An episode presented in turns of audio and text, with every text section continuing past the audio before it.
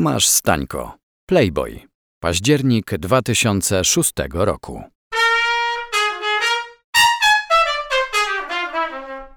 Umówił się pan z nami w dniu swoich urodzin. Dla mnie to taki sam dzień, jak każdy inny. Ale dla nas okazja, żeby złożyć życzenia. Mamy dla pana prezent od redakcji. Album z najlepszymi dziewczynami Playboya. Dziękuję. Życzymy stu lat z nadzieją, że lubi pan sobie popatrzeć. No pewnie. Wiadomo, nagie kobiece ciało to najważniejsza rzecz na świecie. Pamiętam, że nie chciało mi się wierzyć w opowieści o tym, że mężczyźni myślą o seksie kilkanaście razy na minutę. Ale po dłuższym zastanowieniu i zanalizowaniu samego siebie, zmieniłem zdanie. Przecież każdą kobietę taksuje się na okoliczność seksu. Mimowolnie. Nawet tę nie najładniejszą, którą po prostu taksuje się na minus. Każdy facet lubi sobie popatrzeć.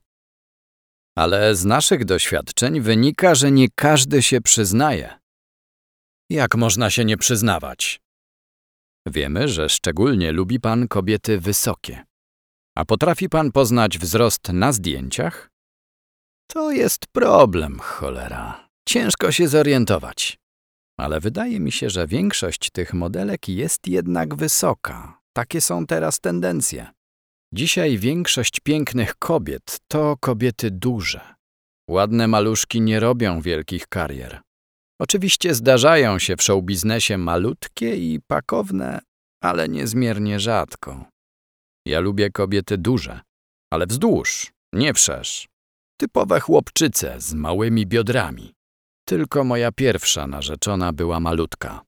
Skończyło się straszną kłótnią i szybkim rozstaniem, choć miłość była bardzo intensywna. Potem kręciły się wokół mnie kobiety postawne. Ale to podobno naturalne, że mali lubią duże, a duże lubią małych. Tak więc preferuję typowy układ. Czyli jest pan zwolennikiem wieszaków. O, zdecydowanie tak. Szczególnie tych z pomnożonym biustem. Teraz jest taka moda, że nawet kobiety z małymi piersiami podnoszą swoje lekkie wzgórki, by wydawało się, że są duże. Wraca barok. Słyszeliśmy, że woli pan kobiecą publiczność. Nie do końca, ale na kobiety w trakcie koncertu lepiej się patrzy. Dziewczyny koncertom dodają prestiżu. Zawsze instynktownie wypatruję lasek kręcących się wokół sceny. Miles Davis powiedział, że jeżeli na twoje koncerty nie przychodzą piękne kobiety, to lepiej przestań grać. I coś w tym jest. Naprawdę. Poza tym kobiece imiona są najlepsze do tytułowania utworów. Bezspornie. A czy fanki bywają uciążliwe? Ja osobiście tego nie doświadczyłem, ale mój amerykański kolega niedawno osiwiał dzięki takiej jednej Polce. Zakochane fanki, jak widać, bywają niebezpieczne. Podrywał pan kiedyś na trąbkę? Oczywiście, trąbka, ustnik, język, pierwszorzędne skojarzenia. Muzycy zawsze podrywają na swoje instrumenty i swoją muzykę. Największe wzięcie mają kontrabasiści. Wielcy, silni mężczyźni z olbrzymimi łapami. Myślę, że muzycy mają bardzo dobrą reputację u kobiet. Ale prawdziwe tabuny przewijają się wśród rockmenów. Tamci dopiero mają życie, nie to co my, jazzmeni. W rockowym świecie kręci się modelka za modelką. Ciężko przecież powiedzieć coś złego o Kate Moss. To jednak już ekstremalny wieszak. Ale dobry! Kiedyś porównywał pan swoich młodych muzyków do swoich młodych partnerek życiowych. No właśnie. Porównywałem. Dzisiaj zostali mi już tylko młodzi muzycy.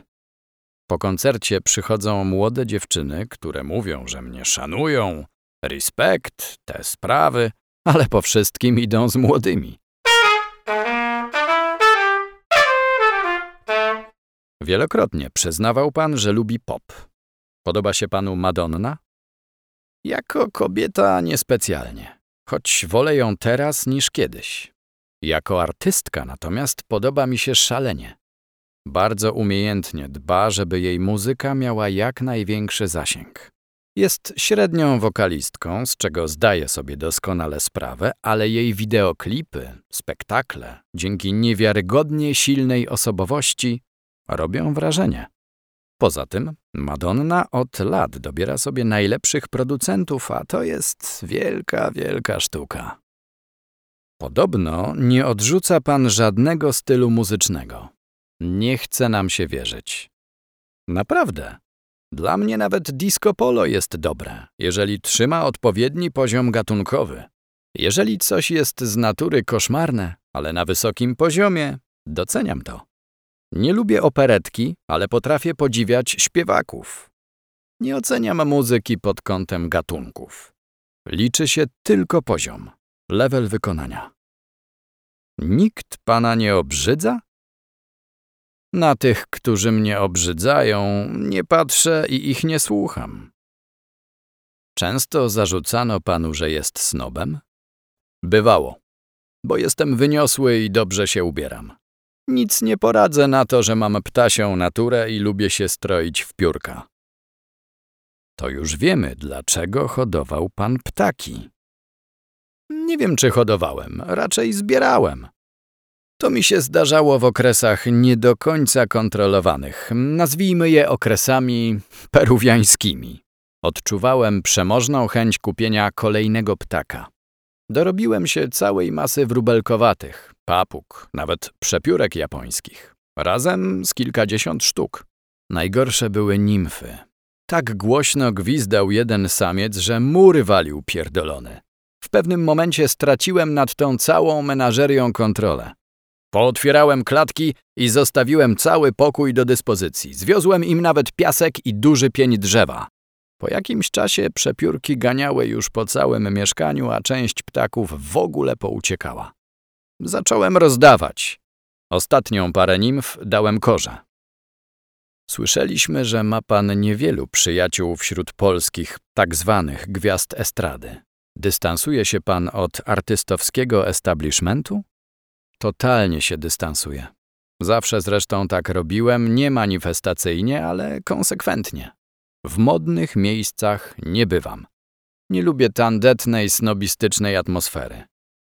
Jestem typem samotnika. Na rauty nie chodzę. Zaproszenia zbywam, odmawiam do skutku. Po jakimś czasie przestają przysyłać.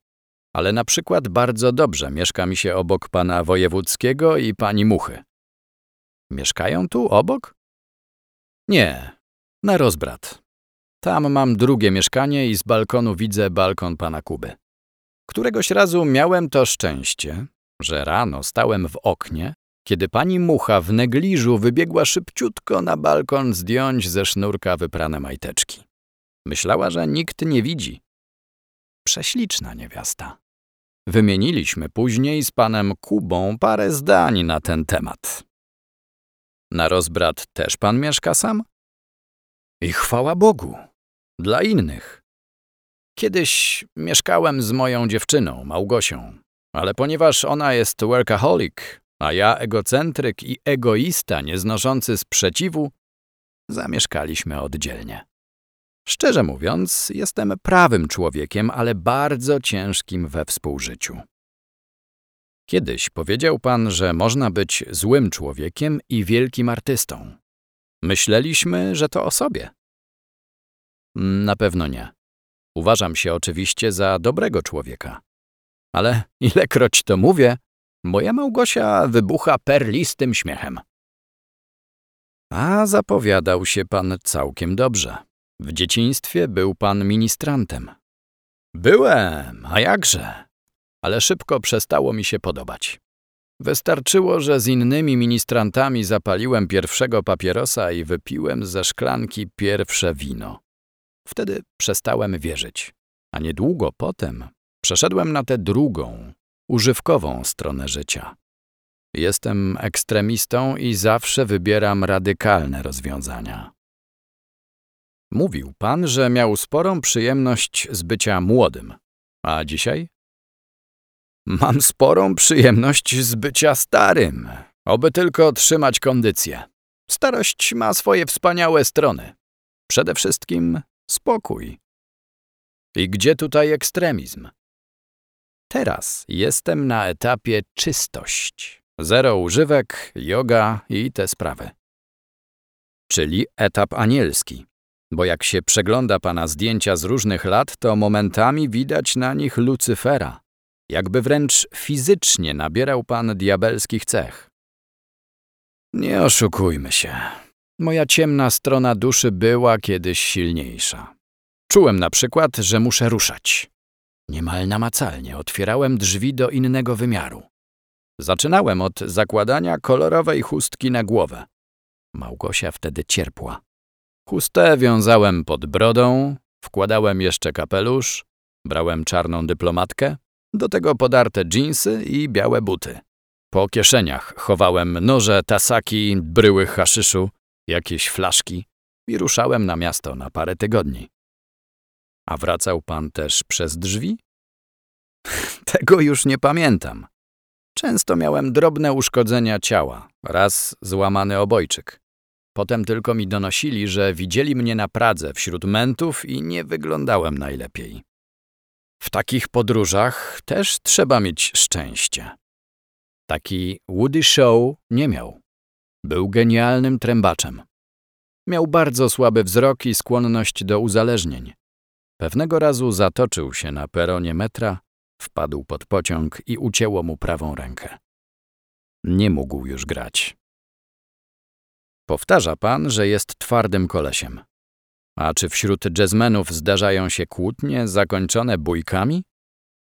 O, nie, ja jestem naprawdę bardzo słaby fizycznie, a praktycznie rzecz ujmując, nigdy w życiu się nie biłem. Chociaż jako sześciolatek byłem nawet w ulicznym gangu i to na wysokiej pozycji. Raz tylko musiałem udowodnić, co jestem wart. Kazali mi pierdolnąć cegłą w szybę samochodu. Lata pięćdziesiąte. Samochód to było coś. Pamiętam, że zrobiłem to zupełnie na zimno.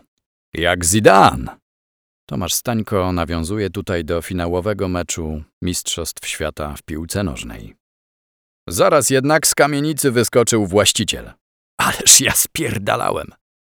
Chyba tamtym czynem na dobre ustabilizowałem swoją pozycję w grupie i nasz herszt Tadek, który potem spędził wiele lat w więzieniu, jak było trzeba, bił się za mnie. Czyli mistrz nie dostał nigdy w trąbę? Raz. Z tyłu, na plantach. Zanim się odwróciłem, oni uciekli. Na szczęście nie skopali. Gdyby pan nie był harcerzem, zostałby w ogóle trębaczem? Nie wiem. Trudno powiedzieć. Po podstawowej szkole muzycznej uparłem się, że nie chcę dłużej grać muzyki klasycznej i że pójdę do zwykłego ogólniaka. Skrzypce mi nie pasowały. Fortepian też. Właściwie dla muzyki uratowała mnie trąbka, zwykła harcerska sygnałówka. A także wsparcie ojca. Przyszedł na jeden z moich pierwszych solowych koncertów. Za kulisami mi pogratulował. Powiedział, że to, co robię, jest świetne. A wiedział, co mówi. Był skrzypkiem, a siostra pianistką. Na co dzień tata pracował jako zawodowy sędzia, ale był też profesjonalnym muzykiem. Swego czasu przyjęto go na skrzypce do krakowskiej opery.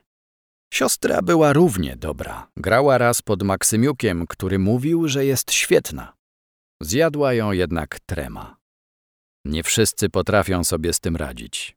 Powiedziałbym nawet, że większość nie potrafi. Dlaczego pańska córka nie idzie w ślady ojca? Ania ma dzisiaj do mnie pretensje, że kiedy zaczynała, ja machałem ręką i mówiłem, a co ty tam grasz? Ją ciągnęło do hip-hopu. Dopiero z czasem zrozumiałem, że ma te same predyspozycje co ja. Szukała awangardy. Pan, który dostał wsparcie od ojca, zachował się tak wobec własnej córki? No, tak. Ale trzeba być twardym. Powinna powiedzieć fuck you, ojciec i robić swoje. Mówi pan, skończyły się czasy wielkich geniuszy, Bachów, Mozartów, Picassów. Dlaczego? Bo coraz więcej ludzi ma szansę zaistnieć. Geniuszy zrobiło się na pęczki. Jak przy takim nadmiarze zrobić selekcję? Jak dotrzeć do wszystkiego, co odkrywcze i nowatorskie? Nie da się. Jak zostać geniuszem na miarę starych mistrzów, kiedy za dwa tygodnie rodzi się już nowy geniusz? Jest takie przyspieszenie, że kultura po prostu kipi i już nikt jej nie ogarnia. Dziś każdy inteligentny człowiek może być artystą, a ludzi przecież jest coraz więcej. Globalizacja zabiła geniuszy. Ale jest też błogosławieństwem dla artystów niszowych. Racja. Dzisiaj już nie tylko nie sposób zapoznać się z twórczością choćby 10% muzyków, dziś nie sposób nawet spamiętać wszystkich gatunków muzycznych. A ciągle powstają nowe. Jedne zyskują większą popularność, inne mniejszą. Hip-hop na przykład przeciągnął na swoją stronę wielu ludzi świata jazzu. I może się zdawać, że jazz jest na wymarciu. Wszystko kiedyś się skończy, więc muzyka klasyczna i jazz umrą jak umarły wielkie cywilizacje. Na razie jednak nisze mają się świetnie, a my jesteśmy wciąż rozpoznawalni. Jadę w Nowym Jorku taksówką z Cecilem Taylorem. Taksiarz się odwraca i nawet nie pyta, tylko się upewnia. Are you jazzman? Od razu poznał. Po ubiorze i zachowaniu. A jak wyglądają jazzmeni w Nowym Jorku? Starsi panowie, dziwacznie ubrani, ale przy tym szalenie elegancko. Prowadzący jakieś niezrozumiałe, intelektualne rozmowy. Cecil, ten to się dopiero ubiera. Podczas trasy nosił taki stylowy myśliwski kapelusik z dziurką w rondzie, jakby od kuli. I on przez tę dziurkę oglądał ludzi. Nie dość, że patrzył z podełba, to jeszcze przez dziurę w rondzie. A spod kapelusika wystawały mu pojedyncze dreadlocki. Model po prostu.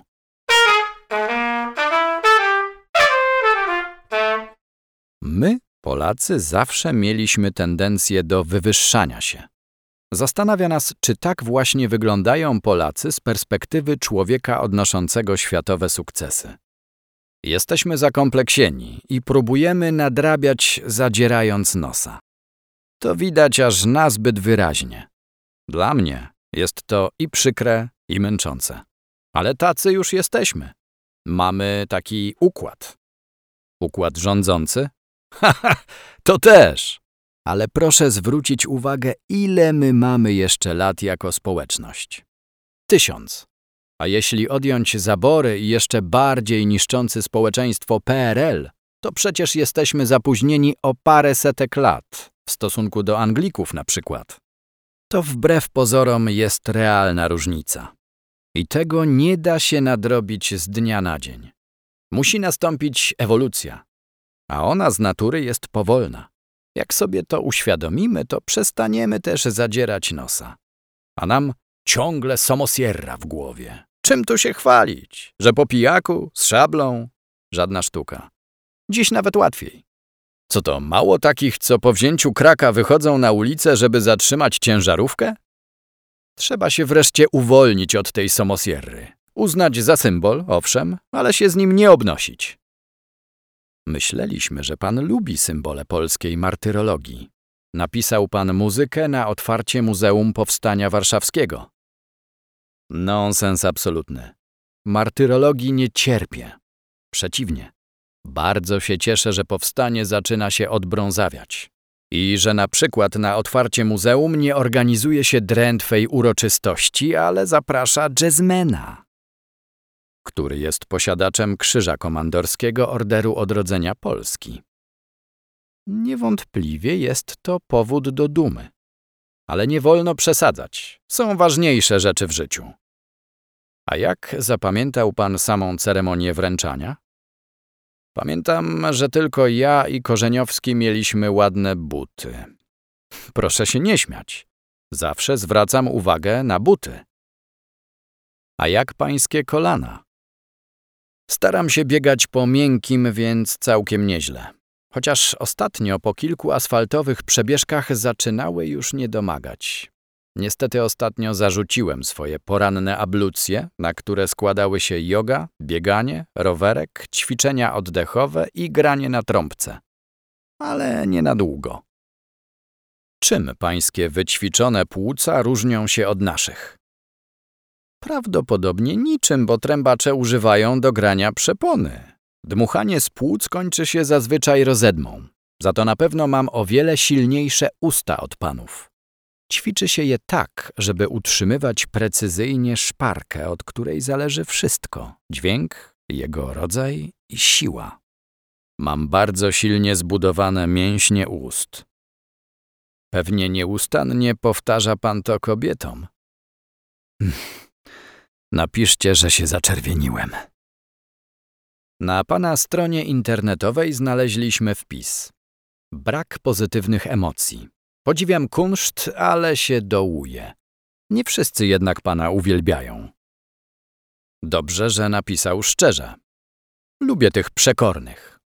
Nie ma co ukrywać, moja muzyka jest pełna natręctw. Można powiedzieć, że jestem człowiekiem o skłonnościach maniakalno-depresyjnych. W związku z tym wmuszam ludziom tę maniakalno-depresyjną muzykę. Ale taka jest moja rola, bo taka jest rola artysty. Zmusić publiczność do uznania go wielkim. Gdyby nie robił tak Picasso, to jego obrazy byłyby po prostu bohomazami. A on złapał publiczność twardo za kark i nagiął do swojej sztuki. Naciskał tak skutecznie, że w końcu wszyscy musieli paść na kolana i ogłosić go geniuszem. Cieszę się, że ten ktoś tak napisał o mojej muzyce. O to mi chodziło. Zmusiłem go do słuchania, do zajęcia stanowiska. To jest mój sukces. Krakowski przewodnik jazzowy z kolei podaje, że pana muzyka jest odzwierciedleniem filozofii egzystencjalnej. Dlatego zostałem muzykiem, żeby posługiwać się językiem abstrakcji, żeby nie musieć jednoznacznie interpretować niczego. Oczywiście słucham z przyjemnością takich recenzji, ale nie przywiązuję do nich najmniejszej wagi. Jak gram, to nie myślę o niczym, a już na pewno nie o egzystencjalnych filozofach. To może o sporcie. Jest pan kibicem? Tylko w przypadku wielkich imprez. Bo wszyscy oglądają i komentują, a ja lubię przypatrywać się kulturze masowej. Ale mam cechę, która właściwie nie pozwala mi pasjonować się większością dyscyplin. Nie lubię walczyć, nie lubię rywalizacji. W ogóle mnie to nie rusza. Dlatego kibicuję tylko sportom ekstremalnym, w których pokonuje się samego siebie. To jest super, to mnie rajcuje. Rywalizacja z samym sobą na skaczących rowerach, na bungee. Chętnie bym spróbował czegoś takiego. A polityki by pan nie spróbował? Za delikatny jestem na politykę. Naprawdę.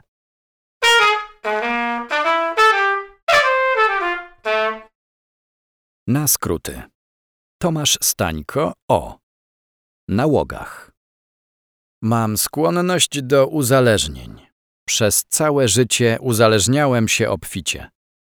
Ponieważ jest to niebezpieczne hobby, zatrudniam specjalistę, z którym konsultuję te sprawy. Jak jeszcze używałem życia, to zawsze potrafiłem znaleźć dealera w obcym mieście w ciągu najwyżej paru minut. Mam do tych spraw nosa. O dźwiękach. Muzyka jest jak seks. W głowie cały czas kłębią się natręctwa. Muzyki nie można dzielić na łatwą i trudną, tylko na absorbującą i mniej absorbującą. My, muzycy, nie musimy być mądrzy, tak jak piłkarze. Znam świetnego polskiego basistę, który jak gra, z lubością wpatruje się w sygnet na małym palcu. O filmie. Aktorstwo to dla mnie najtrudniejsza rzecz na świecie, jak najdalsza od moich talentów. O polskiej tradycji. Podziwiamy Kmicica i jego wachmistrza Sorokę, który w słusznej sprawie wyśmienicie nabijał na pal. Przecież on to musiał lubić. Sadysta pierdolony. Koniec. Czytał Łukasz Klinka, czyli połowa duetu wywiadowcy.pl